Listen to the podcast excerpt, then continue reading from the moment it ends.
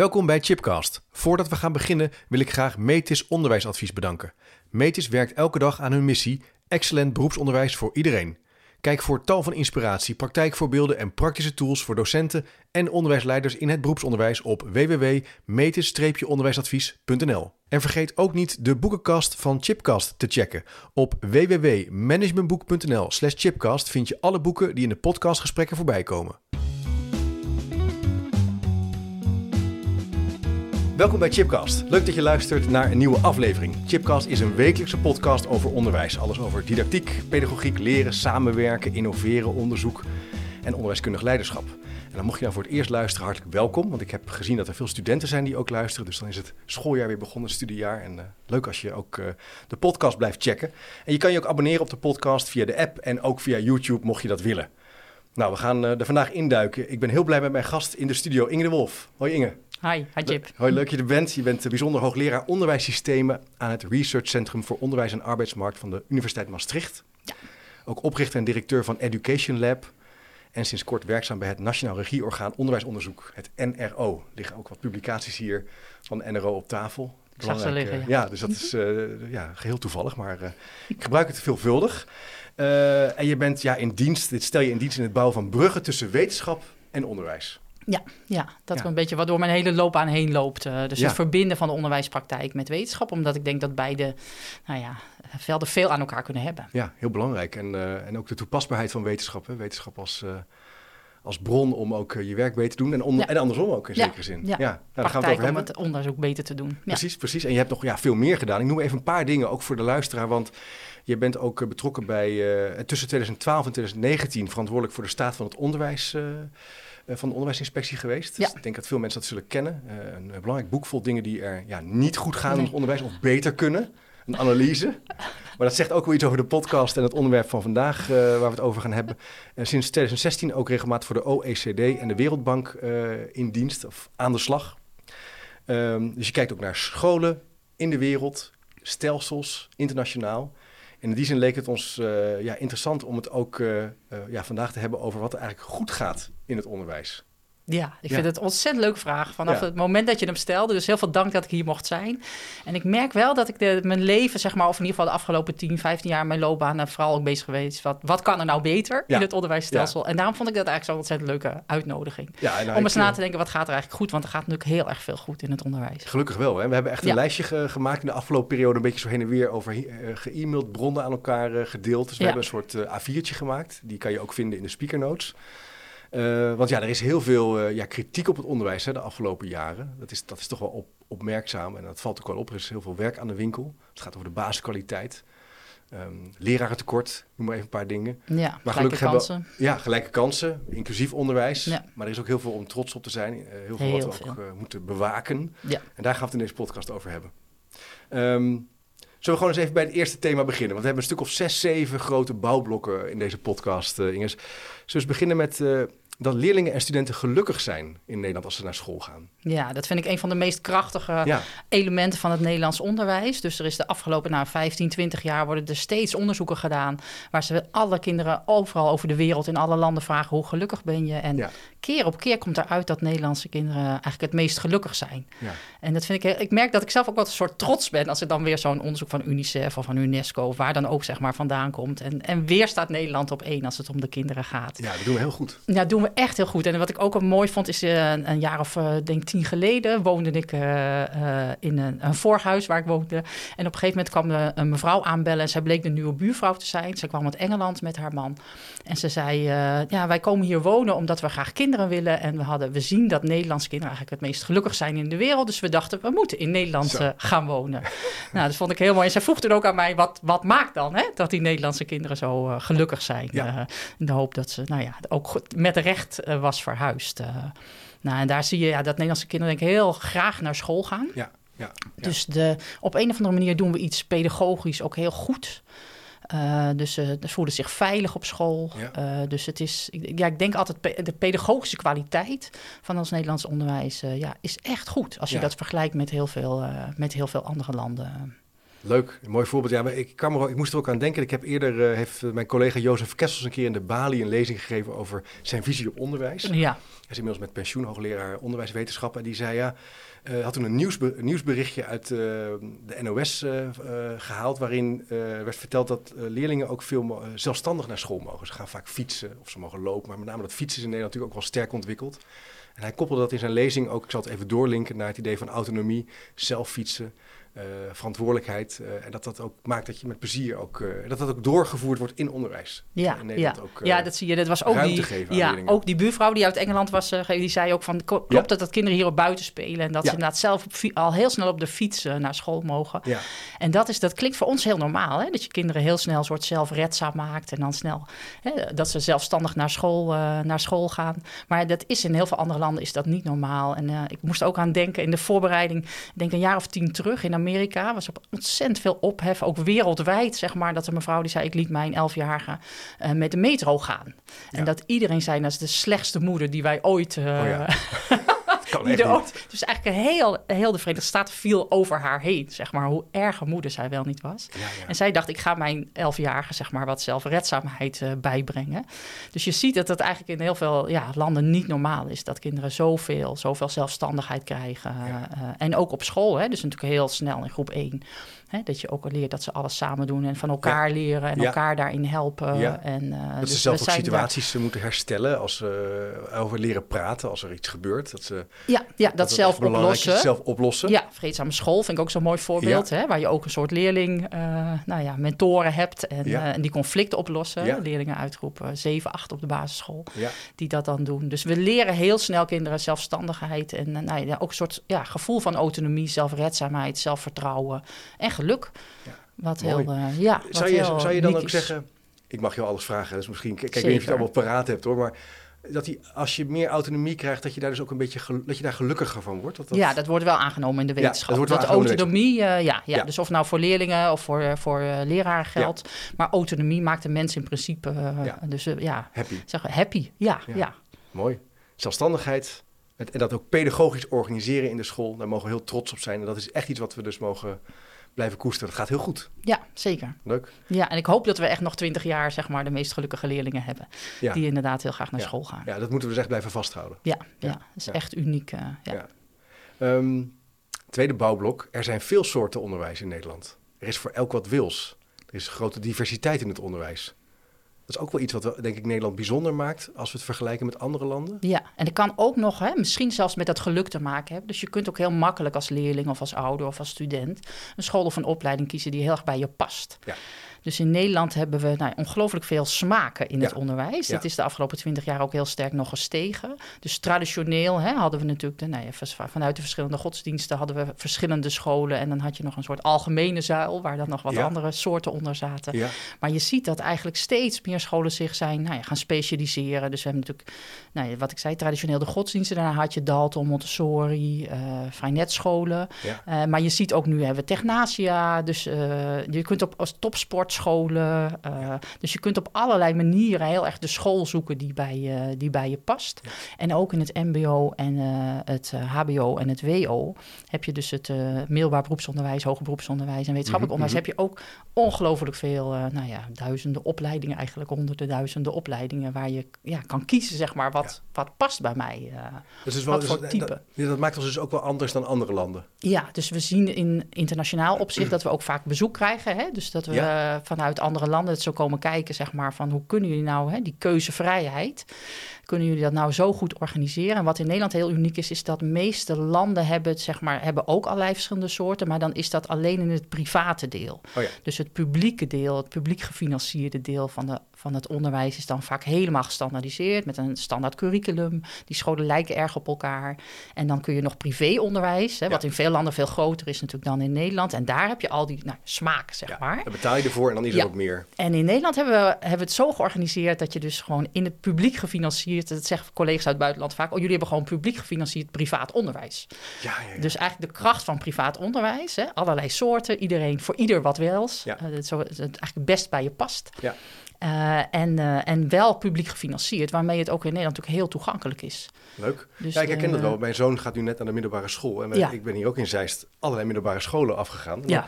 Geven ook ouders, wij in ieder geval wel, maar ik denk ook andere ouders, veel ruimte aan leerlingen om te kiezen. Ze mogen ook, ja, je doet ook natuurlijk zelf mee, uh, maar het valt wel op dat scholen zich inderdaad ook profileren nu dat zegt. sportprofiel of creativiteit of een Montessori middelbare school hier, hier vlakbij. Dus dat is iets blijkbaar wat we ja, een beetje normaal zijn gaan vinden. Ja, en wat is een heel mooi voorbeeld. Nee, het is helemaal niet normaal. Dus heel veel landen moet je gewoon naar de dichtstbijzijnde school... of wordt er een school toegewezen. is, is, er helemaal geen keuze. En in Nederland verschillende oh, scholen. En het is ook heel mooi wat je zegt inderdaad in dat keuzeproces. Ik herinner ook me van, van onze dochters. Dat het, hè, dus die keuze voor de middelbare school. We hadden gewoon een lijstje gemaakt van hier mag je uit kiezen. Ja. De school waarvan we zelf dachten, nou die maar liever niet. precies. die hadden we er niet op gezet. en daarna geef je zo'n kind ook heel veel keuzevrijheid. Waardoor je eigenlijk nou, in het begin al een soort nou ja, betrokkenheid en tevredenheid. En misschien ook wel weer geluk met de school. Dus ook dat raakt weer dat gelukkig zijn, zeg maar. En ik weet ook dat de eerste school waar we heen gingen Hè, zei mijn dochter ook van na vijf minuten al, nee, hier hoor ik niet. Oh, dat nou, ging ik weer weg. Ja. Dat had je waarschijnlijk ook. Ja, smalle dus gangen. de, of, uh, Ik vind het uh, onderwijsconcept, mijn zoon heeft dan op een Montessori gezeten. Die zei, nou, ik wil eigenlijk niet naar een Montessori. Oh ja. Past, ik, ik, ik vind het wel fijn om naar een andere school te gaan, waar ik iets meer structuur krijg. Blijkbaar vond hij dat, had hij dat, vond ik op zich al heel knap dat hij daarover kon praten. Ja, ja. En, uh, maar inderdaad leuk. Dus we geven die leerlingen ruimte. Ja kinderen. En ze kunnen ze ook op verschillende scholen kijken. Ja, en, dat maakt ze, ook gelukkiger. We laten ze ook echt kiezen. Ja, ja, ja, ja, op jonge leeftijd al. Ja, maar dat is niet alleen uh, de middelbare school. Want ook in het mbo is er heel veel te kiezen. Ja, er zijn verschrikkelijk veel opleidingen. Ja, verschrikkelijk veel opleidingen. Je hebt al die verschillende niveaus. Maar ontzettend veel opleidingen. En ook in het, uh, op de hogeschool, de universiteiten. Ja. Dus het is ook wel eens... Dus mijn, uh, nou ja, mijn oudste is nu naar de universiteit gegaan. Dat ik denk wel eens denk van ja, twee, drieduizend soorten opleidingen of zo. dat, dat ik wel eens denk van dat is wel ook wel heel veel.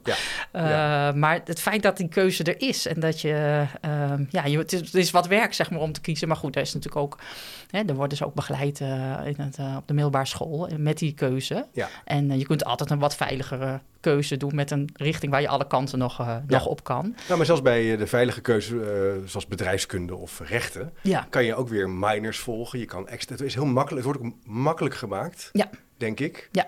De MBO heeft daar wel een tijdje mee geworsteld met die keuzedelen natuurlijk. Maar volgens mij wordt er wel een serieuze poging gedaan om breder en ook andere dingen eigenlijk bij je profiel of bij je studierichting erbij te doen. Ja, ja, helemaal natuurlijk op dit moment hè, met die flexibilisering in het MBO en, en ook in het HBO. Dat je eigenlijk inderdaad ook minus van andere delen erbij, zodat je eigenlijk, ja, wat we zien is eigenlijk een tendens naar steeds meer maatwerk, wat eigenlijk steeds meer op bij die leerling of student past. Ja, ja. ja maatwerk, dus de student kan dus eigenlijk binnen, binnen al die, die paar duizend opleidingen kan je waarbinnen nog weer je eigen traject uh, kiezen. En ik weet niet of je dat herkent, maar hè, als ik bij familiebijeenkomsten of zo, dan hoor ik neefjes ook zeggen, hè, die heel enthousiast altijd over hun opleiding, wat gewoon ook voor hun gevoel precies bij ze past. Ja. Uh, maar het is interessant, dan, uh, wat we hebben het over de, wat er goed gaat in Nederland. Het, het, feit dat we dit bedenken voor studenten, ja. dat ze dus op het MBO niet vier keer of niet twee keer kunnen instromen, maar dat we acht keer willen kunnen laten instromen, dat ze kunnen examineren op het moment dat het ze uitkomt. Ja, ja uh, op verschillende niveaus. Op verschillende niveaus. Dat ze, is eigenlijk ook wel heel bijzonder dat we dat überhaupt bedenken. Want dat aan de interne organisatiekant is dat natuurlijk heel veel eisend. Ja, ja. Het feit dat je acht examenmomenten hebt, ja, dan moet het allemaal maar wel bolwerken. Maar dat doen we dus wel. Ja,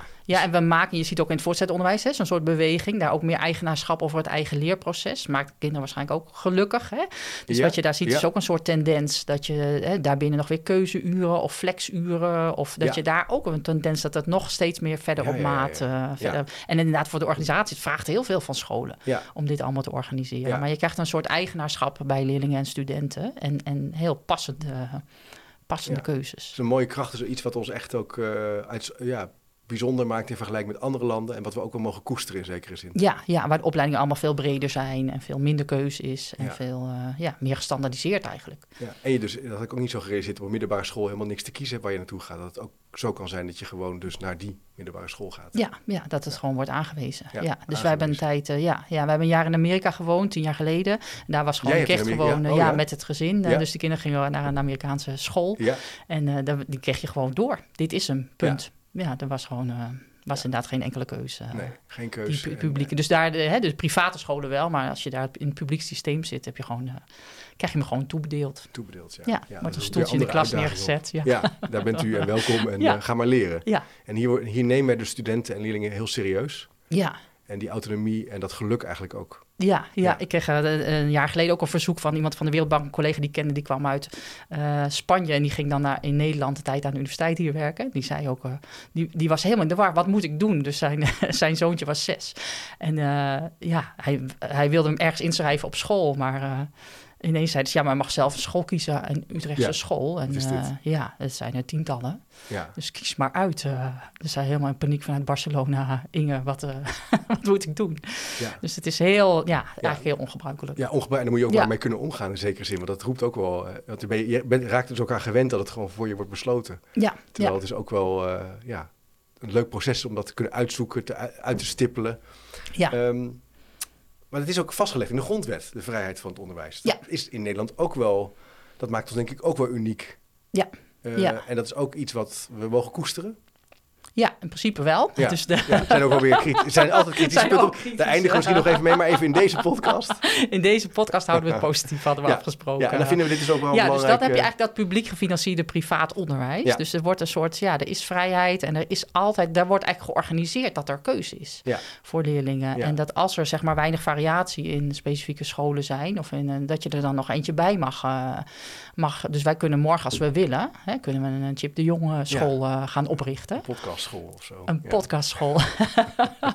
en daar, dus dat is, vind, is natuurlijk prachtig. Ja. En dat vind ik ook altijd wel mooi. Dat in het buitenland met de internationale collega's die vinden dat als ik zeg, ja, bij ons kan je gewoon, als je wil, kan je morgen een school oprichten. Dat, dat geloven ze ook gewoon nooit dat dat kan, zeg maar. Nee. Eh, nee. Dus dat we dat geborgd hebben hè, met die vrijheid van onderwijs. Ja. Eigenlijk die diversiteit. En, en daar zit ook natuurlijk die publieke financiering in. Hè. Dus je krijgt gewoon, per leerling krijg je gewoon eh, middelen. ja, dat komt eigenlijk Ja, dat voort. is heel uniek. En daarmee kun je dus die keuzevrijheid eigenlijk organiseren.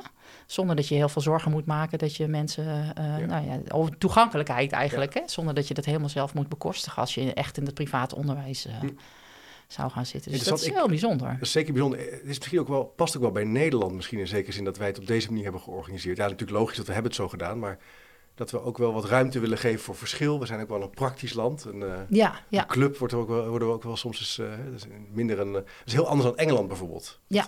Wat, wat veel gestructureerder ja kijkt naar onderwijs, denk ik. En gestandardiseerd. standaard, gestandaardiseerder. ja, ja, standaard curriculum. dus Ja. dat is veel meer... Ja, dus da- daar lijken eigenlijk scholen natuurlijk ook veel meer op elkaar... Ja. dan in Nederland. Dus in Nederland zie je dus ook veel meer verschillen. Ja.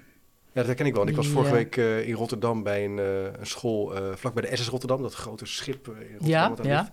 Bij Dalton, eh, een Dalton eh, school. Ja, wat een totaal andere school is dan als je gaat naar eh, de Sint-Alexander school in eh Bennekom, noem maar even wat. Ja. Ik had eigenlijk ja, totaal verschillende wereld. Onderwijsconcept is anders, de kwaliteit van de instructie en de opvattingen die ten grondslag liggen aan de instructie zijn anders.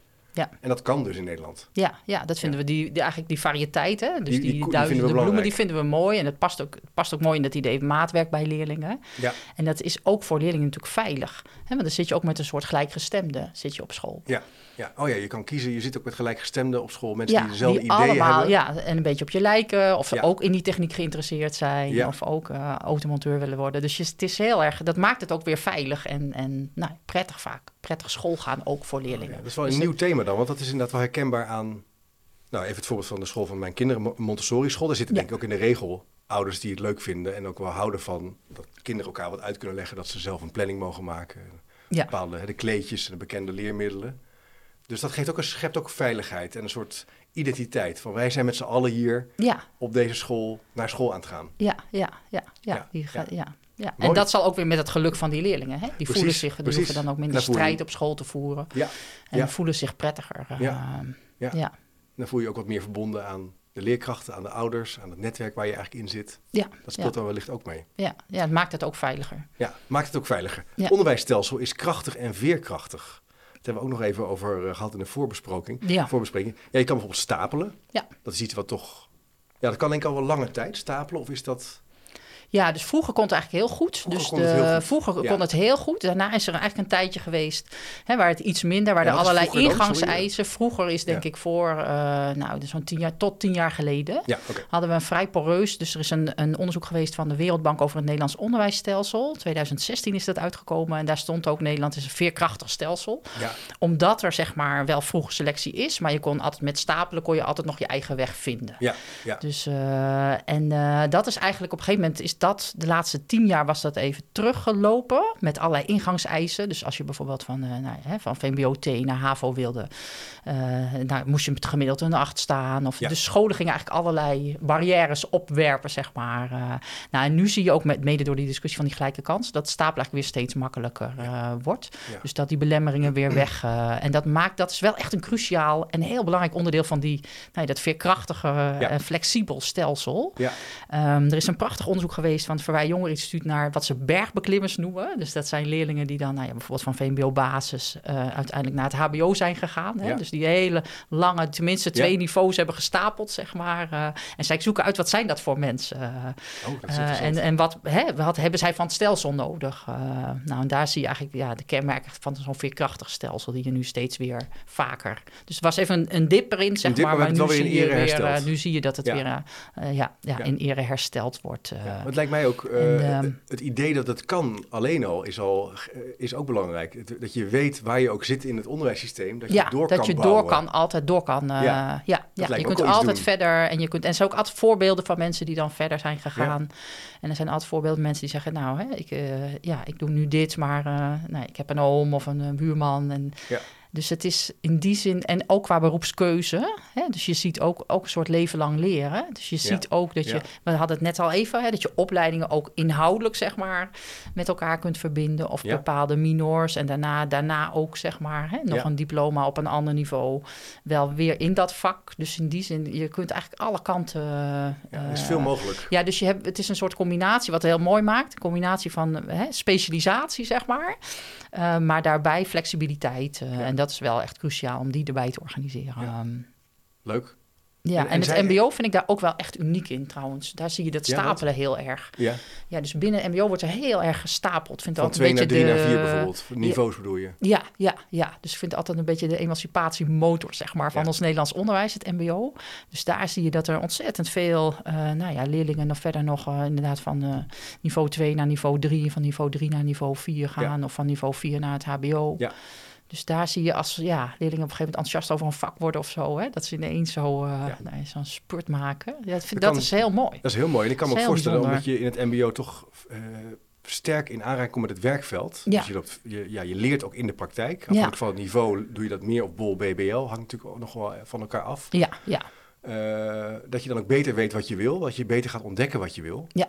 Want ja, als ik naar mezelf kijk toen ik 18, 19 was, ik wist echt nog niet wat ik nou, dat ik... Uh, wat je wilde worden. Ja, dat ik bedrijfskunde zou gaan studeren uiteindelijk. Nee, nee. Ik, ik, had heel veel baat bij een hogeschoolopleiding. Dus je, dat je gewoon wat ervaring opdoet en het een beetje gaat zien. Ja. En dat zou natuurlijk voor heel veel jongeren ook zo gelden. Dat is ook een kracht van ons onderwijs. Ja, ja. Dat je kan leren in die praktijk, denk ik. Ja, ja. dus dat eigenlijk vroeg, hè? Dat je eigenlijk vroeger de praktische kant op kunt, zeg maar. Ja. Of de theoretische kant, eh, wat bij je past. Ja. En dat je dat vroeg kunt. En dat je dat ook uh, daarbinnen, zeg maar, loopbanen hebt. Meer praktisch georiënteerde loopbanen. Of meer praktijk georiënteerde loopbanen. En inderdaad een BBL en, uh, en BOL. Hè? Dus dat we daar ook weer twee varianten in hebben. Ja. Ja. Dus we doen alles om eigenlijk alle type leerlingen, zeg maar, zo optimaal mogelijk te bedienen. Ja. type leerlingen en studenten. Ja, de ene vier dagen werken, één dag naar school. De andere zegt, nou, ik wil iets meer theorievakken. Ja, ik ga vier dagen naar school, één dag werken. Vier, dat kan eigenlijk allemaal in Nederland. Ja, ja. ja. Uh, nog een ander, schiep dan nu te binnen, zij-instromers. Is dat is een heel ander onderwerp? Is dat ook iets wat ons uniek maakt in Nederland? Dat, we ook, dat je van vak kan wisselen? Ja. Uh, of is dat nog niet, is dat geen bouwblok, denk je? Ja, zeker, zeker, zeker. Ja, ja, nee, dus je, hebt, dus je kunt ook makkelijker, zeg maar, van, uh, dus in het onderwijsstelsel zelf, maar daarna kun je op de arbeidsmarkt natuurlijk ook, een soort leven lang leren. Ja. ja, en kun je ook vrij makkelijk switchen van beroep. En zijstroom is eigenlijk een heel mooi voorbeeld.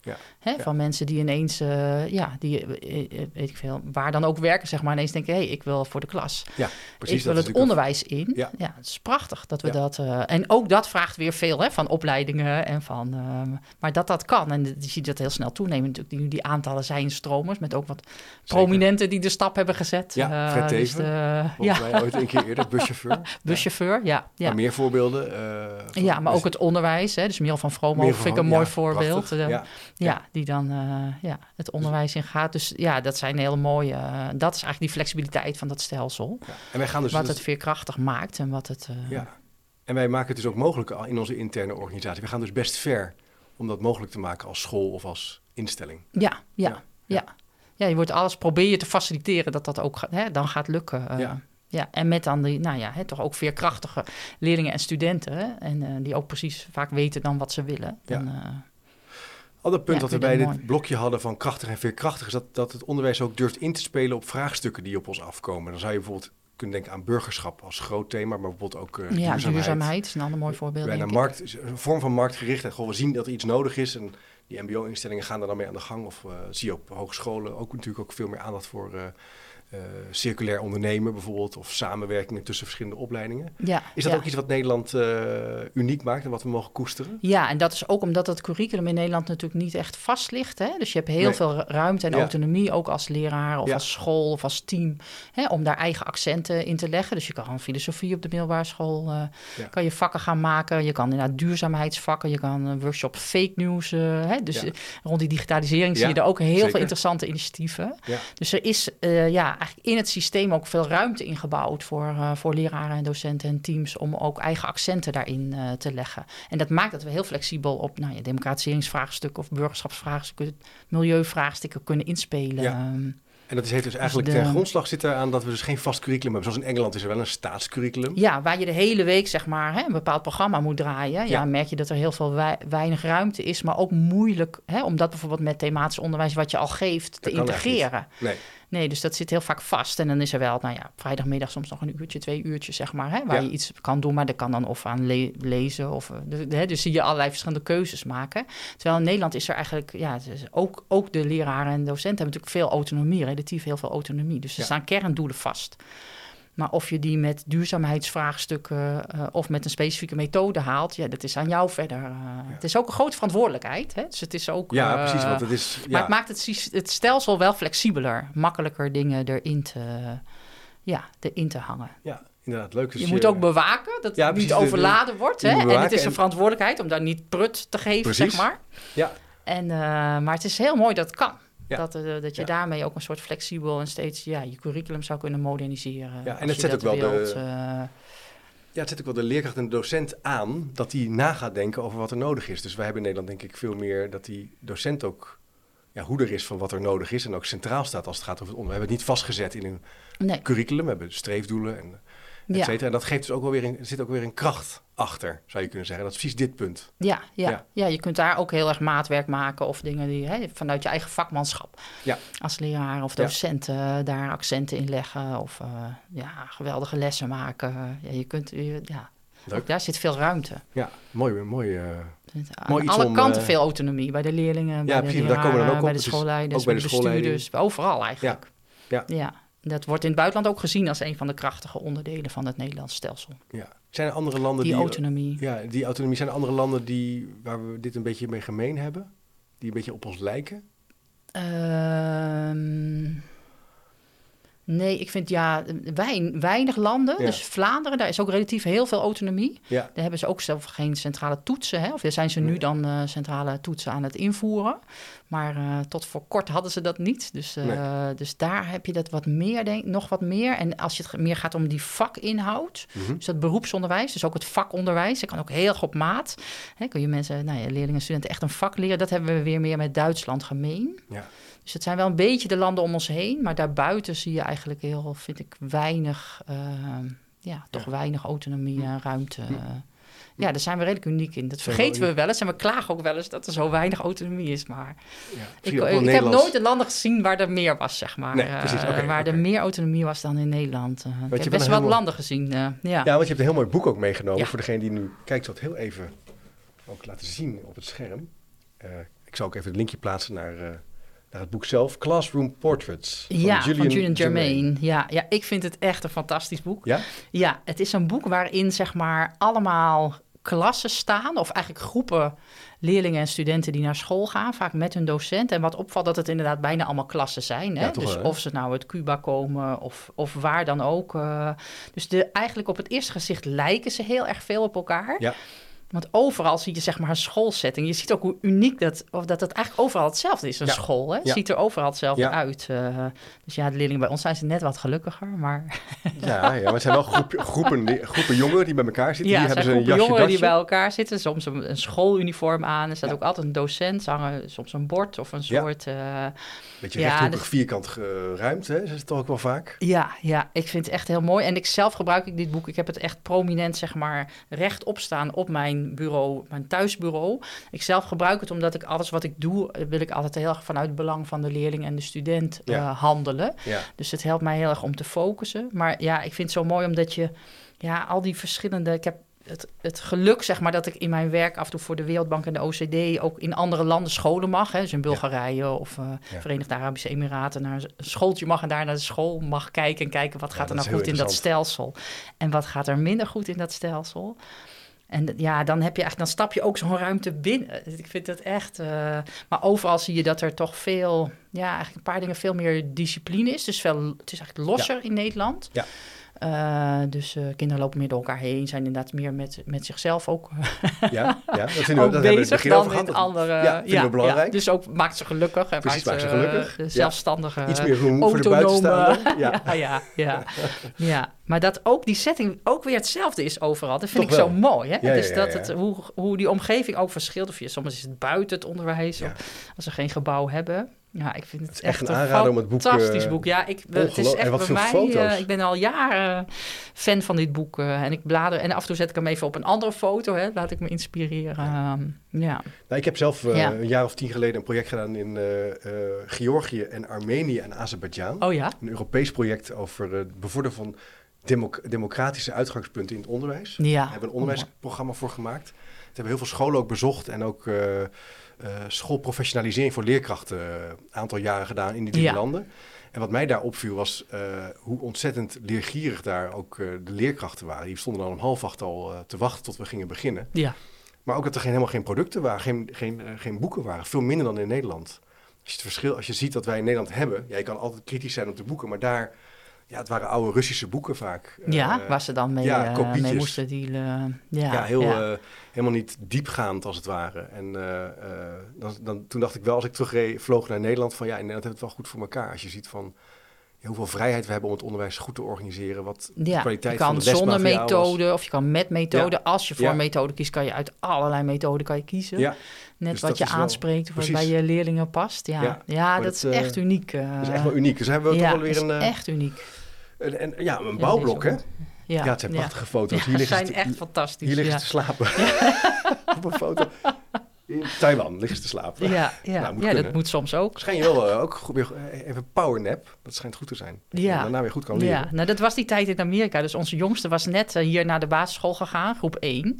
Oh ja. En toen gingen we naar Amerika, maar daar kwam ze weer in de preschool. En dat was Oh ja. verplicht, volgens bij State Law in Californië. Moesten twee uur slapen tussen de middag. Nou, Twee ze, uur. ze vond echt het ergste, zeg Oh maar. dus zij vond die school niet leuk daar. Nee, nee. Dus ze was hier gewend al mee te doen en echt naar school te gaan en allerlei dingen te regelen daar. En, eh, en daar werd ze voor haar gevoel weer helemaal een soort klein kind eh, moest ze zijn, zeg maar. Dus die heeft zich eh, lang verzet tegen die school. maar daar moest ik aan denken bij die Ja, dat is foto. een mooi beeld hier. Ja. kinderen die een powernap maken. Ja, moet, moet je wel willen slapen. Ja. Ehm, even kijken, waar zijn we nou gebleven? Ja, dus krachtig en veerkrachtig. ja. Inspelen op vraagstukken, burgerschap, nieuwe thema's. Stapelen hebben we het hierover even, even ook over gehad. ja. Ehm, de betaalbaarheid is ook weer, weer verbeterd. Is ook wel een interessant thema om even in het licht te zetten. Het, we, we, doen, we gaan best ver om het onderwijs ook betaalbaar te maken. Ja, voor, ja, eh, dus die toegankelijkheid is natuurlijk een heel groot thema. Dus je ziet dat ook, nou, hè, dus ook al die verschillende smakenscholen, zeg maar, met publieke Ja. financiering. eh, en de laatste tijd is natuurlijk ook discussie hè, over je oude bijdrage. Kan die niet wat lager? eh, Ja. moeten benadrukken dat hij echt vrijwillig is. Ja. Dus dat je nooit mag worden uitgesloten. Ja. En, eh, de studiefinanciering die natuurlijk weer terug, eh, de beurs die weer terugkomt. Ja. Dus het is belangrijk dat iedereen... Kijk, als er zoveel keuze is, is er ook altijd het risico... Hè, en dat zie je natuurlijk in Nederland ook al een klein beetje... dat eh, ja, sommige mensen kunnen makkelijker en beter kiezen... of kunnen hè, nog met wat extra te betalen... nog net wat aantrekkelijkere programma's doen. Dus daar Ja. moet je heel voor waken. Dat je dan zo'n systeem ook de keuze echt voor iedereen maakt... Uh, Ja, en zorgen weten- dat die ook ja, voor iedereen precies. toegankelijk is. En, Ja. niet, eh, en je ziet er natuurlijk een aantal speciale opleidingen die ook, ja, waar je heel veel duur materiaal voor nodig hebt of zo, die dan wat minder toegankelijk zijn. Maar de- over het algemeen is het Nederlands onderwijs natuurlijk heel toegankelijk voor iedereen. En niet alleen hè, de openbare scholen, Ja. maar eigenlijk alle scholen in Nederland. En dat heeft weer met die vrijheid van onderwijs te maken en met die financiering van die. eh, ja, publieke financiering, zeg maar, van die privaatachtige scholen. Ja, dus ondanks dat we natuurlijk een tijdje nu dat leenstelsel hebben gehad, dat gaan we nu weer afschaffen, is toch Ja. over het geheel genomen het onderwijs zeer toegankelijk. Ja, En daar ja. mogen we denk ik heel trots op zijn. Dat is iets wat heel goed gaat in Nederland. Ja, ja. En wat je ook hebt gezien is dat dat eigenlijk hè, de, daarmee ook, denk ik, een van de drijvende krachten achter die hele emancipatie is geweest. Eh, dus wat we zien is in de laatste 20 jaar, 30 jaar, hè, is dat, dat nou ja, voorheen ging zeg maar eh 30% van de leerlingen naar het HBO en het WO, dus het, eh, naar, hoog, naar een hogeschool of een universiteit. En nu zie je dat dat inmiddels meer dan de helft, hè, dus 60 Ja, al dat is enorm. dus dat is echt ongelooflijk. eh, Ja, dus ja. je ziet eigenlijk, ja, dat, ja, en deels door het stapelen, maar ook al heel snel, Ja, zeg maar, in het voortschritt. Heeft ook, hè, dus voor de VMBO-baas en het kader zie je natuurlijk een beetje daardoor leeglopen. Ja. Maar eigenlijk is het wel, een, ik vind ik ook echt een enorm succes van het, eh, van het Nederlands onderwijs. ja. Ja, ja, ja. Een enorme toename. Ja, ik denk dat echt iedereen dat... extreem. Ja, als je dat eh, nu ook ziet aan het aantal studenten, eh, ja. als je op de ja, het universiteit... past langs- er allemaal niet meer nee, in, zeg past maar. niet. De gebouwen dat erbij. Bij mijn werk op de universiteit, dat is goed eh, druk, zeg maar. maar dat mogen we eh, eigenlijk wel trots op zijn. Ja, dat is echt een ongeloof. En als je ziet dat dat inderdaad zo'n 30 jaar is gebeurd, hè, dat is echt. eh, ja, nou, ik merk hem toen ik studeerde in mijn omgeving, waren er niet zoveel, zeg maar, die studeerden. En nu is het voor iedereen, eh, nou ja, wat ik zei, voor meer dan de, meer dan de helft, zeg maar, gaat naar het HBO of het WO eh, Ja. tegenwoordig. Ja. ja, dat is echt eh, heel bijzonder. Grote prestatie. En dat gaat dus heel goed. Ja, dat gaat echt, eh, ja, ja. Ja. daar mogen we echt heel trots op zijn. zijn we ja. allemaal hoog opgeleid. Ja, dat is dus Duitsland. Hier gaat dat nog, doet, gaat, daar gaat het nog meer. Hè? Dus daar is inmiddels de helft gaat zelfs naar de universiteit. Dus eh, ja. ja, ja. Ja, dus op een gegeven moment moet je kijken waar, hè, in welke banen is nog behoefte, zeg maar. Ja, Maar Ja. de, ja, daar lijkt het niet, ja. Nou, het heeft natuurlijk ook uitdagingen, maar daar gaan we Maar- nu in deze podcast niet Ja, over daar gaan we hebben. het niet want, over hè, hebben. Vakmensen, al die dingen. Maar ja. het is wel interessant dat er dus een beweging is geweest van het brede toegankelijk maken van het hoger onderwijs. Dat we daar ook echt in zijn geslaagd. ja, ja, als Nederland. enorm goed in zijn geslaagd. eh, ja. ja. Leuk. Eh, Ja. beroepsonderwijs, hebben we het al even over gehad. Sterk georganiseerd. MBO, HBO, ook heel sterk met het werkveld georganiseerd. Hè. We hebben echt eh, sterke netwerken. Ik eh, noemde in de voorbereiding even Ja. de Rotterdamse Zorg bijvoorbeeld. Dat is een heel sterk eh, netwerk in Rotterdam. Wat nadenkt over het eh, MBO-onderwijs, het HBO-onderwijs, samenwerking. ja, ja. Dat maakt ons ook wel uniek. Ja, ja, je ziet daar twee dingen. Hè? Dus ik vind zelf altijd deze foto er mooi bij. hè? We hadden hem net al even. eh, ja, ja, deze dit is Dus echt... dit eh, is VMBO ik maak een plaatje van. Ja, Ja. ja. Wat Misschien zien we dat hier? dat je even inderdaad vertellen. kunt delen. Ja, Ja, we zien eigenlijk een klas, eh, VMBO eh, techniek. Ja. Eh, wat eigenlijk ook wel een gewone klas lijkt. Maar er, ineens staat er een brug met een auto midden in de klas. Ja. Eh, en er zitten allemaal jongens en één meisje in een overall. eh, allemaal, de, de- ze zien er redelijk hetzelfde uit, zeg maar, door die overall eh, die ze aan hebben. ja.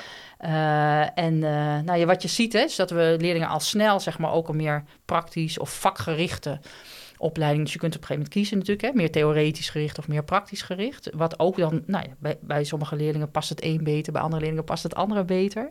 Dus hier zie je jongeren die al vrij snel met techniek in aanraking komen en Ja. die dan ook vaak nou ja, daarin verder kunnen, kunnen doorstromen. Ik vind het echt een prachtige. Nou, je ziet ook, hè, dus inderdaad, al die stoere jongens en die ene hele stoere meid eh, die daar die techniekenopleiding doen. Dus nee, ook daar hè, zoeken wat past bij leerlingen. Maar wat, ook, wat je zelf ook al zei, is dat we daar ook dus echt vakleerkrachten vaak uit de praktijk voor de klas zetten. Ja. Die ook veel beter het vak kunnen leren Ja. dan, eh, hè, dan Ja. een soort Een automonteur. fulltime. Ja. eh, ja. Ja. Dus dat is heel uniek, dat vakgerichte onderwijs. Wat ik ook prachtig vond, is tijdens die COVID-tijd hoorde je heel veel verhalen hoe die dat probeerde voor te zetten. Hè? Dus hoe als banketbakker, hoe ga je een taart beoordelen van een leerling waar je Ja. heel veel afstand ja, moet houden. Via Zoom Dus- zo. eh, Ja, dus dat was hele mooi. Daar zag je echt mooie dat dingen, vakonderwijs. Wat, Ja. Die had natuurlijk wel specifieke uitdagingen nog, zeg maar. Ja, maar die hebben een enorme Vond ik heel, eh, ja, ja. dus er kwamen ineens die vakdocenten. Dus die zijn heel krachtig. En wat heel mooi is, is dat we het curriculum natuurlijk ook afstemmen op wat is er nodig voor de arbeidsmarkt. Dus je ziet heel veel van die werkveldcommissies bij opleidingen tot en met de hogescholen aan toe. Universiteiten zie je dat ook al. Kwalificatiedossier. Hè, dus de kwalificatiedossiers, ja, gemaakt. Ja, dus je ziet daar, uh, ja, en, maar ook initiatief als bijvoorbeeld techniek-HAVO's. Ja. dus je ziet daar heel erg samenwerking, zeg maar, tussen uh, ja, het werkveld en het onderwijs. In de wetenschap noemen ze dat uh, een van de functies van onderwijs, de allocatiefunctie, de voorbereiding op de arbeidsmarkt. Die hebben we echt fantastisch georganiseerd in Nederland. Dus dat is ook dus iets wat, de, ehm, wat wordt de MBO-raad, de HBO-raad, al die, die, die zijn ook vaak aanjagend in om dat allemaal te organiseren. die, die verbinding, want dat is iets wat heel sterk ook in die practoraten wordt georganiseerd van wat, wat voor ontwikkelingen komen op, op ons pad als het gaat over milieu of over. Uh, ja, wat is eigenlijk nodig? Hè? Wat, hebben de, werknomen, wat hebben de werknemers? Dat vind ik heel mooi. Wat hebben de werknemers van de toekomst nodig? En kunnen we nu ons onderwijs zo inrichten ja.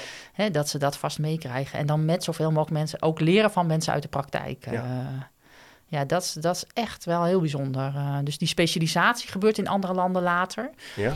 Uh, dus je hebt veel langer, zeg maar, dat je die theorie, zeg maar, krijgt en minder dat, die vakspecialisaties. Precies, je bent al sneller in aanraking met de praktijk. Ja, en, de en door mensen uit de praktijk. En door mensen met praktijk, ja, dat is een tweede en punt. het curriculum is meer op de toekomstige praktijk gericht. en dat maakt, dat is ook vind ik uniek aan ons Nederlands stelsel, dat bijvoorbeeld we altijd koplopers zijn in lage jeugdwerkeloosheid in Europa. Ja. Uh, dus die is natuurlijk nu in deze tijd in heel veel landen laag, maar in Nederland nog wel heel veel lager, zeg maar, dan, uh, dan andere landen. Ja. Dus dat hebben we ooit een keer in de staat van het onderwijs ook over gerapporteerd. Die allocatie, ja, hoe goed dat wel niet gaat, hè? die ja. allocatiefunctie. Ja. Uh, dus de, ja, iedereen kan toch vrij makkelijk aan de bak komen als je een Nederlandse diploma hebt. Ja. Dus de, het probleem zit er meer als je geen startkwalificatie hebt. Maar vanaf dat je dat hebt, zeg maar, ja. ja. Maar stages daar, daar worden georganiseerd, ja, het is snel. Um, als je geen uh, kwalificatie hebt, dan heb je natuurlijk de startcolleges in uh, Nederland, onder andere van, uh, van de ROC's, die je toch proberen te helpen om een eerste diploma ja, dus te halen. alles Als je er ook op gericht. Ja, voortijdig schooluitval tegen te gaan. Daar wordt ook best wel actief op gelobbyd uh, en hard aan gewerkt in Nederland. Ja, ja. En ook al met succes onder andere in de steden. Ja, dat is ook nog zo'n succes, vind ik hoor. Dus he, die zware programma's die er ooit met voortijdig school verlaten, want er was wel een groot probleem in Nederland. Ja, zeker, ja. Maar dat is helemaal, nou, het is, ja, je ziet nu net kleine stijging weer, maar het is daar eigenlijk heel groot, heel veel minder geworden, die voortijdig dat voortijdig school verlaten. Ja, ik moet even, dus kan iedereen wordt altijd inderdaad entreeopleiding en dan hup, niveau 1, Zeker. niveau 2. Ik, ben, uh, ik heb een drieluik gemaakt bij het Zatkin College over het startcollege. Ik ben oh. daar drie dagen geweest met studenten gesproken. Oh, ja? En ik zal hem even doorlinken, ook voor degene die luistert. Echt heel leuk om te zien hoe ze dat daar doen. Om die uh, jongeren gewoon te helpen om uh, diploma te halen en naar niveau 2 en naar niveau 3 door te stromen. En uh, ook met de politiek daarover gesproken in die podcastserie. Heel interessant. Oh, en, en, maar, en ook hoeveel, hoeveel effort het heeft gekost om dat te realiseren. Dat is echt wel... Uh, ja, het is taai. Het is heel taai. taai het is heel taai. het kan wel. En, uh, en dat ja. doen wij dus ook in Nederland. We zeggen niet van nou... Ja, zoek laat het, zoek het maar uit. In Amerika zou je kunnen zeggen, ja, is het, zoek het je eigen probleem. Ja. Ja. En dat doen wij dus hier niet. We laten die jongen dus die drop-outs in Amerika vind ik echt een mooi hoog. voorbeeld. is echt extreem hoog. Ja, ja. En ja. hier, uh, we blijven er gewoon, uh, we blijven gewoon aan ze trekken. Ja, we maken ons er druk om. Druk om. Ja. Ja. Ja, en leren, uh, hè, in funderend leerplichtambtenaren heen sturen. Ja, Van alles proberen we, zeg maar. Dat is jonge mooi. Moeders, dat jonge ook, vaders die naar school mochten gaan, kinderopvang, werd van alles uit de kast gehaald. Om, en dat lukt ook. Ze verantwoordelijkheid geven, autonomie. Ja, Samenwerken met zorginstellingen. Gemeenten ook en met zorg. Gemeentes. Ja, ja, Die daar, Dus ook weer daar die partnering was ook, was ja, ook belangrijk. Ja, mooie voorbeelden van. ja. Nee, leuk. We gaan nog even door. Uh, even kijken waar we nou zijn gebleven. Ja, we hebben het uitgebreid gehad over het MBO, over het HBO. Ja. En over wat daar gebeurt om die, om die uh, keuzes en het vakonderwijs ook sterk te maken. Um, we besteden ook veel aan aan de autonomie en het vakmanschap van leerkrachten en docenten. Dat is ook iets waar we in Nederland ja, toch wat we heel belangrijk vinden. Wat ook best wel goed geregeld is. Ja, dus die autonomie, hè, die vraagt ook, ook een soort vakmanschap. Ja, kan eigenlijk moet je veel, uh, ja, ja, ja. want je kan niet uh, ergens op leunen, zeg maar. Nee, uh, nee. Dus je, en, en wat je daar ziet, hè, die, die, versterking van het vakmanschap. Ik vind dat, dat daar op dit moment een paar echt hele mooie dingen gebeuren. Dus er wordt natuurlijk vanuit de opleidingen traditioneel in, in geïnvesteerd. En je ziet besturen die met academisch bezig zijn. Dus het is wel nu een soort heel grote groei, zeg maar, van dat vakmanschap. Maar wat ik zelf het hele, het, eigenlijk het hele mooie vind, is daar meer een soort bottom-up beweging. Dus wat ooit begonnen is, zeg maar, hè, met het alternatief en flipping the classroom, het versterken, ja. vond ik een heel mooi. Het boek heeft echt mijn leven veranderd. Een soort pleidooi voor versterking van dat vakmanschap. Ja. Uh, en ook bij mij kwam toen ook het besef van een stelsel kan ook belemmerend werken. Hè? Dus uh, die autonomie moet je ja, koesteren, maar daar hoort dat vakmanschap bij. En ik vind het heel mooi dat je dat nu nou ja, versterkt ziet, bijvoorbeeld met clubs als Research Ed. En hè, ja. dus een soort ja, bottom-up beweging ja. van leraren, schoolleiders. Ja, die met elkaar, die vakverenigingen, vind ik ook fantastisch. Hè? Dus de, in het voortgezet onderwijs vind ik echt heel erg mooi. Belangrijk. Die met elkaar zeg maar de inhoud van hun vak beter maken en uh, daar een soort netwerk netwerken ontstaan. Dus je ziet een soort ja, behoefte en, en organiseren van dat vakmanschap vanuit het, de beroepspraktijk zelf. Dat vind ik op dit moment, ja, vind ik echt de allermooiste beweging die er op dit moment in Nederland is. En ook heel eh, bijzonder is, want in veel landen is het toch meer top-down. Ja. Hè, dus Engeland Ja. vind ik een mooi voorbeeld. Eh, Er wordt gewoon de overheid bepaald, curriculum bepaald, wat effectieve interventies zijn. Ja. Bepaald eh, dat alle scholen tutorprogramma's moeten doen om de Ja. COVID-achterstanden weg te... En dan rollen we het uit, implementeren we het. Ja. En dan, zo wordt er ook over gepraat en dan voeren de leraren het uit. En dat past toch niet zo heel goed bij Nederland. Nee, het past niet zo goed bij Nederland. die- En ik denk ook wel veranderkundig gezien is vaak een reactie op eh, als het bottom-up niet werkt. Of als er eh, als kwaliteitsvraagstuk ontstaan van dan moet het uitgerold worden, centraal worden gestuurd. Ja, Maar het is wel heel moeilijk om dat te organiseren. Dat vraagt wel bijna een soort één, één, één ja, communicatielijn die van boven naar beneden gaat. ja, ja. en het staat soms is. haaks op die En autonomie. het staat haaks op de autonomie. Ja, waardoor dat het niet heeft- prettig voelt. eh, Ja, ja, ja. er Dus- geen intrinsieke motivatie Nee, zit, zeg nee, maar, bij nee, dan leraren moet je en dingen. docenten. Ja, ja. En, en eigenlijk zeg Daar zijn we in Nederland ook niet zo heel goed in. Zijn we, Eh, zijn we niet zo goed in. En het is juist onze kracht dat we zo georganiseerd zijn. Dus die autonomie organiseren we, organiseren we zelf. organiseren we zelf. Ja, en Weinig dat sturing. echt een prachtige beweging. Ja, en wel controle achteraf. Ja. In de vorm van ja, eh, inspectie, eh, verantwoording achteraf, denk ik, denk dat we daar dan op doelen. Ja, dat hebben ja. we natuurlijk wel in Nederland. Ja, dus er is eigenlijk aan de voorkant bijna niks geregeld, behalve Nee. dan die kerndoelen. Ja. En dan eh, inderdaad achteraf heb je dan de inspectie. Die dan, dus soms voelt dat natuurlijk een beetje hè, vervelend als je dan ineens achteraf denkt, hey, ik word toch nog gecontroleerd. Maar daarvan denk ik ook, ja, zo weinig scholen zijn zwak of zeer zwak. Hè? Dus ja, dat valt ook wel mee, zeg maar, die controle achteraf. Ja. Ja. Dus, de, dus het geheel genomen is, eh, en het zijn ook klein, nou ja, hè, als ze al op school komen, zeg maar, hè, het zijn relatief kleine bezoekers, gaan niet, andere landen gaan ze gewoon een week met een hele team inspecteurs, lichten alle tegels, zeg maar, dat is bij ons allemaal niet Nee, zo. er is veel vertrouwen Dus in het is heel eh, veel vertrouwen. Ja, het systeem hangt gewoon eh, op vertrouwen en op autonomie. Maar Ja. dat vraagt eh, die heel, ja, zo die sterke, dat sterke vakmanschap. mooi. En dat vind ik heel mooi. Leuk. en eh, die, om, dat eh, groeiende, die ook een groeiende beweging daarbij. eh, ja, die is alleen maar sterker aan het worden. ja, ja. dus wat ik inderdaad ook mee had genomen, hè? De, de school als werkplaats, Ja. vast eerder, Ja, eerder op tafel gelegen volgens Absoluut. mij. Vind ik heel mooi waar dus eigenlijk een, hè, nou ja, een leraar en een schoolleider, dus Martin Bootsma en Eva Nijkens, zelf ook gaan bedenken hoe krijgen we ons team en onze school beter, wat is nou een goede kwaliteitscultuur. En eigenlijk denken, ja, wij gaan ons vakmanschap op dat trein versterken. Nou, dan delen we dat ook met de rest van Nederland, wie dat wil lezen. Hè, dat is toch, vind ik, een mooie, ehm, ja, vind ik heel mooi aan Een mooie drive ook om dat ja, te doen. denk ik. Dat is echt... eh, en er zijn natuurlijk steeds meer van dat soort mensen hè, opgestaan. eh Erik Ja. Meester. Ja, het zijn gewoon... eh, vind ik echt... Belangrijk. ja, ik vind dat echt... Ja, en echt uniek vind ik. In, dat is heel mooi. Ja, dat je dat kent geen andere landen waar dat zo actief gebeurt. nee, mensen niet, uit de praktijk. Niet door mensen uit de praktijk. Nee. Dus ik vind Estland had een heel mooi voorbeeld. Hè? Dus die Ja. heeft ook een waanzinnige spurt gemaakt de afgelopen twintig Ja. jaar. Maar daar is het toch, daar heb je wel ja, kennisinstituten en zo voor onderwijs. Ja. En eh, ja, ook centrale leraaropleidingen, centrale schoolleidersopleidingen. Dus dat is toch meer ja, een combinatie van top-down en bottom-up. Maar echt in Nederland is het vooral ja, de bottom-up zo heel sterk. Dus Leuk. echt uit de praktijk. Ja, dat vind ik heel mooi. Mooi, mooi. Nou, dan hebben we nog twee thema's om te bespreken als het gaat over wat gaat er goed in ons onderwijs. Dat zijn Ja. de opleidingsmogelijkheden van de onderwijsprofessionals. Laten we daar maar eens mee beginnen. En tot slot nog de sterke opkomst van de evidence-informed manier van werken, om het maar even zo te noemen. Ja, Eh, ja. Die opleidingsmogelijkheden, ja, er is veel te professionaliseren vandaag de dag. Veel beter te worden in je vak. Er zijn verschillende rollen ook in het onderwijs. Ja. Veel meer, denk ik, dan eh 20, 30 jaar geleden. Ja. Dat is ook iets wat, wat ja, we mogen taalspecialist, eh, rekenspecialist, eh, van alles gedrags... eh, Ja. ja, ja, IB'er, leesexpert. ja, brugfunctionaris. Ja, van ook in het eh, beroepsonderwijs komen. natuurlijk eh, stagebegeleider. Je kan gewoon theorieles geven, je kan praktijkbegeleider worden. Je kan van alles doen eigenlijk. Ja, ja.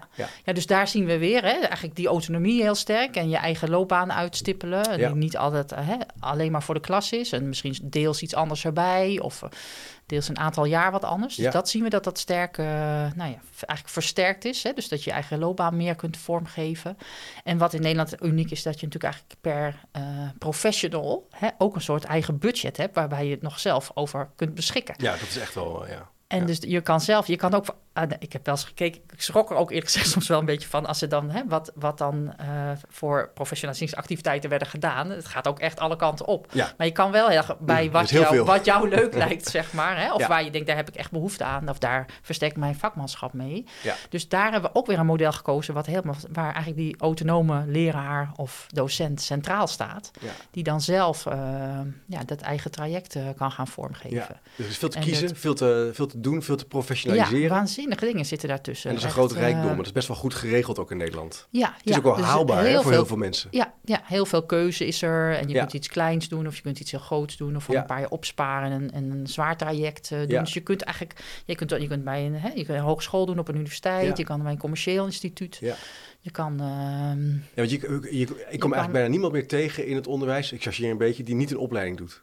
Nee, Als ik een mooi. leerkracht of een docent, iedereen zegt, nou, ik ben met een leergang bezig, of ik ben dit aan het doen, of ik ben een master aan het doen. Ja, Ook ja, bestuurders, ook schooldirecteuren. ja, Veel mensen professionaliseren naast hun werk. Dat is eigenlijk heel normaal. Ja, om activiteiten, het is, eh, professionaliseringsactiviteiten N is één, ik heb het, kan het niet. Maar ik denk wel dat dat, eh, dat valt mij zeker wel op, ja. Ja, ja. Ja. ja, je ziet inderdaad hè, ook een internationaal onderzoek dat er inderdaad heel veel activiteiten, professionaliseringsactiviteiten. Dus eh, zo'n mooi onderzoek Thales altijd, hè, waar de leraar centraal staat. Ja, Dan zie je ook dat er heel veel activiteiten worden gedaan. Wat er wel, vergeleken met andere landen, worden er veel korte activiteiten gedaan.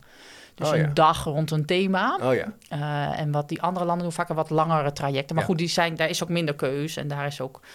Ja. ehm, Je kan een de- beetje zo... je kan ook een beetje shoppen, dus daar kun je Shoppen, het risico snacken. van. Maar goed, dat, ja, ja, Ja, even maar in wat deze podcast daar even- proeven en daar... een eh, dus proeven, die- kennis maken. Ja, ja, en wie weet ga je daarna wat, eh, wat groots. Maar dat het bij de, de, ja, de leraar toch besluit over de eigen professionaliseringsstappen... Ja, past eigenlijk weer helemaal in het verhaal van net, hè, in die autonomie. En is die- gewoon wel, eh, ja, wel is toch uniek en daarmee organiseer je, faciliteer je eigenlijk toch een soort leven lang leren. Ja. Eh, en ook met die, hè, die verschillende functies of accenten die je dan nog eh, in je loopbaan kan leggen. Zou het Ja, kunnen komen je- dat... eh, eh, er wordt steeds meer onderzoek gedaan in het mbo en hbo. Hè? Dus Mhm. de proctoraten en de lectoraten. Ja. Eh, die zijn heel actief op verschillende domeinen. Je kent ze misschien vanuit het onderwijs, maar ook ja, biochemie, fysiotherapie. Daar worden echt, en daar wordt ook wel aangemoedigd, denk ik, dat mensen uit de praktijk vragen mogen stellen over dingen die ze verwonderen. Ja. Hè? Dus problemen mogen adresseren, maar ook kansen mogen zien. Dat is natuurlijk ook iets wat wel best wel gaaf is dat dat er is. Ja, Je ja. kan dus in een kenniskring als docent. Dan Ja, kan je gewoon... ja, of een professionele leergemeenschap. Ja, Of, eh, ja. En je kan daar ook heel erg in kiezen. Hè? Je kan een bepaald, je ziet ze in, in Nederland ontstaan, zeg maar, rond specifieke thema's. Waar, zo, waar ze allemaal in Nederland verenigd zijn. Een uit Groningen, de ander uit Zeden. Dus dat is heel mooi, vind ik. Zeker. Of je in de buurt kan je, of je gaat op school van elkaar leren. Ja, Dus eh, die, eh, ja, ook daar kan je eigenlijk ja, wat bij je past. Kan je daar uit, eh, uitzoeken. En dat is heel mooi. Dat vind ik, eh, en ook het onderzoek doen is natuurlijk heel gestimuleerd Ja. hè? en gefaciliteerd. ja en onderzoek met als... eh, lerarenbeurzen. En, Zeker. eh, dus dat je ook ruimte voor je eigen ontwikkeling of voor de ontwikkeling van je school. ja, Ook daar zit veel, ja, zit veel financieel. Of ja, een soort, ja, de wortel zeggen we altijd in de, hè, de, de, de carrot, zeg maar, die, die je verleidt hè, om dan onderzoek te doen of thema's bij de hand te pakken of je eigen leergemeenschap te organiseren. Of En het ook wel aantrekkelijk maken van, van onderzoek. In de zin van onderzoek kan je zien als een hele hardcore academische activiteit. Maar het mag ook een soort praktijkonderzoek zijn. Je mag ook gewoon Ja. iets willen weten. En dan gaat het niet Ja, alleen wat je over... in je klas wil wat je in je klas uitproberen, wil uitproberen. bijvoorbeeld. Ja. Probeer het op basis van theorie te doen of eh, van concepten. Je kan vernieuwen. Dat is natuurlijk wel... Ja, dat, dat geeft wel veel ruimte. Ja, Ja, ja. En je kan makkelijk wetenschappers benaderen hè, die met je mee willen denken Ja. wellicht. Of, eh, of inderdaad zelf meer hè, praktisch georiënteerd eh, onderzoek opzetten. Ja. Of alles, kan, ja, ook daar geldt eigenlijk. Hè. Dus Ja. ja. ja, wat past bij je. En er Heel zijn mooi. heel veel mooie wegen waarop je dat... eh, ja, jezelf, je vakmanschap eigenlijk kunt versterken en je verder kunt professionaliseren. Superleuk. Dan komen we denk ik bij het eh, laatste thema. Eh, de opkomst van het evidence-informed onderwijs. Ja, Lijkt een koppelt, kunnen we hier aan het voorgaande thema denk ik wel koppelen, maar het is wel opmerkelijk Ja. dat die bottom-up beweging heel sterk eh, in gang is gezet. Eh, je hebt, daar heb je altijd koplopers in. Denk dat, je noemde al even research ad, ja, ja. didactief. Didactief vind ik ook een ander ook inderdaad. een, ja, eh, ja. eh, ja, podcast, verschillende podcasts, mensen die daar zich druk om maken. Ja. Het Onderwijskennisnetwerk Amsterdam. ja, ja. Een project van ons. Ja, jullie? Ja. Ja. Eh, Ja, die ook heel stimuleert, zeg maar. Hè? De versterken van de vakmanschap door Ja. eigenlijk die brug te slaan ja. tussen onderwijspraktijk en wetenschap. Dus ook ja, met elkaar in co-creatie, zeg maar. Ja. Dus ook ja, het versterken van dat, denk dat evidence informed, wat ik daar nog mooi vind, even los van losse professionalisering, hè, Mhm, die mhm. activiteiten waar we het net over hadden, is dat dat ook heel intensief en op meer, steeds meer op basis van gelijkwaardigheid met wetenschappers gebeurt. Ja. Dus niet de wetenschapper in de Ivoren Toren die even vertelt hoe het moet. Nee, Hè, Of even zegt waar het onderzoek over moet gaan, omdat hij of zij dat beter weet. Die heb je ook nog veel natuurlijk. Maar, Ja, ja, en ook niet hè, de praktijkprofessional die zegt, ja, het ma- maakt mij niet uit. Mijn klas is toch anders, het werkt toch niet. Hè? Ja. Ja, ja, maar juist die twee samen, Ja. daar zie je eigenlijk, vind ik, dat ja, wat daar dan ontstaat. En ik vind dat Onderwijskennisnetwerk Amsterdam vind Ja. ik heel mooi. En ik hoop Ja. dat we zo'n nu groot nieuw programma Ontwikkelkracht, die dat ook gaat krijgen. Hè, dat je met elkaar eigenlijk verkent van, nou, waar is nou, hè, waar is nou behoefte aan, wat voor soort kennis en dat met elkaar maakt en, sterk, hè? deelt. En eh, ja, waardoor de wetenschappers ook gewoon in de klas kijken van, hè, hoe, hoe werkt het nu precies? Ja. Wat zijn de onderliggende mechanismen? Maar ook eigenlijk de bakkennis die ze al hebben, gelijk één op één deelt met die, eh, met die betreffende leraar Ja. of, eh, of docent. Het is wel leuk je En zegt, andersom want, ook, eh, ja. eh, Ik heb toevallig voor de, de NRO heeft natuurlijk een aantal prachtige publicaties ook gemaakt. De leidraden. Die leidraden. En ik heb daar, eh, daar hebben ze ook eh, van elke leidraad is een podcast gemaakt. En die heb ik mogen ja, begeleiden, zou je kunnen zeggen. Dat was ja. ontzettend leuk om te doen. Maar dat waren ook steeds ja, weet, een wetenschapper en iemand uit de praktijk bij elkaar. Ja, Dus dat is ook iets wat de NRO heel sterk op heeft ingezet. ja, Wat ook de toegankelijkheid van deze leidraden ook, denk ik, ja, het is heel leesbaar, het is heel begrijpbaar. Het is, eh, ja. eh, ja, dat is ook echt hè, vanuit de wetenschap. Vanuit van de hoe kunnen we, wetenschap maar, dan niet. Alleen vanuit de wetenschap, vanuit die voortoren. Wat je Ja. voorheen wel eens, we gaan het in Jip en Janneke taal. ja, taal, en maar dan precies, dan ga je een niet in Jip en Janneke taal, ja, zeg maar. ja, dat. Maar dat er nu gewoon gezegd wordt, nee, we nemen gewoon een, hè, een docent mee in dat team van die leidraden. En Vertel een leraaropleider. En we gaan podcasts maken. En we gaan, eh, dus je ziet ook, de, hè, dus het NRO is natuurlijk nu aan het doorontwikkelen richting een soort landelijk kennisinstituut. En daar zie je ook dat ook daar die co-creatie, eigenlijk dat bottom-up, zeg maar. Ja, eigenlijk om impact te hebben hè, met wetenschappelijk onderzoek. En Mooi. ook een soort ambitie van, ja, we willen ook echt de onderwijspraktijk helpen verbeteren. Eigenlijk het vakmanschap helpen Ja. versterken. Ja.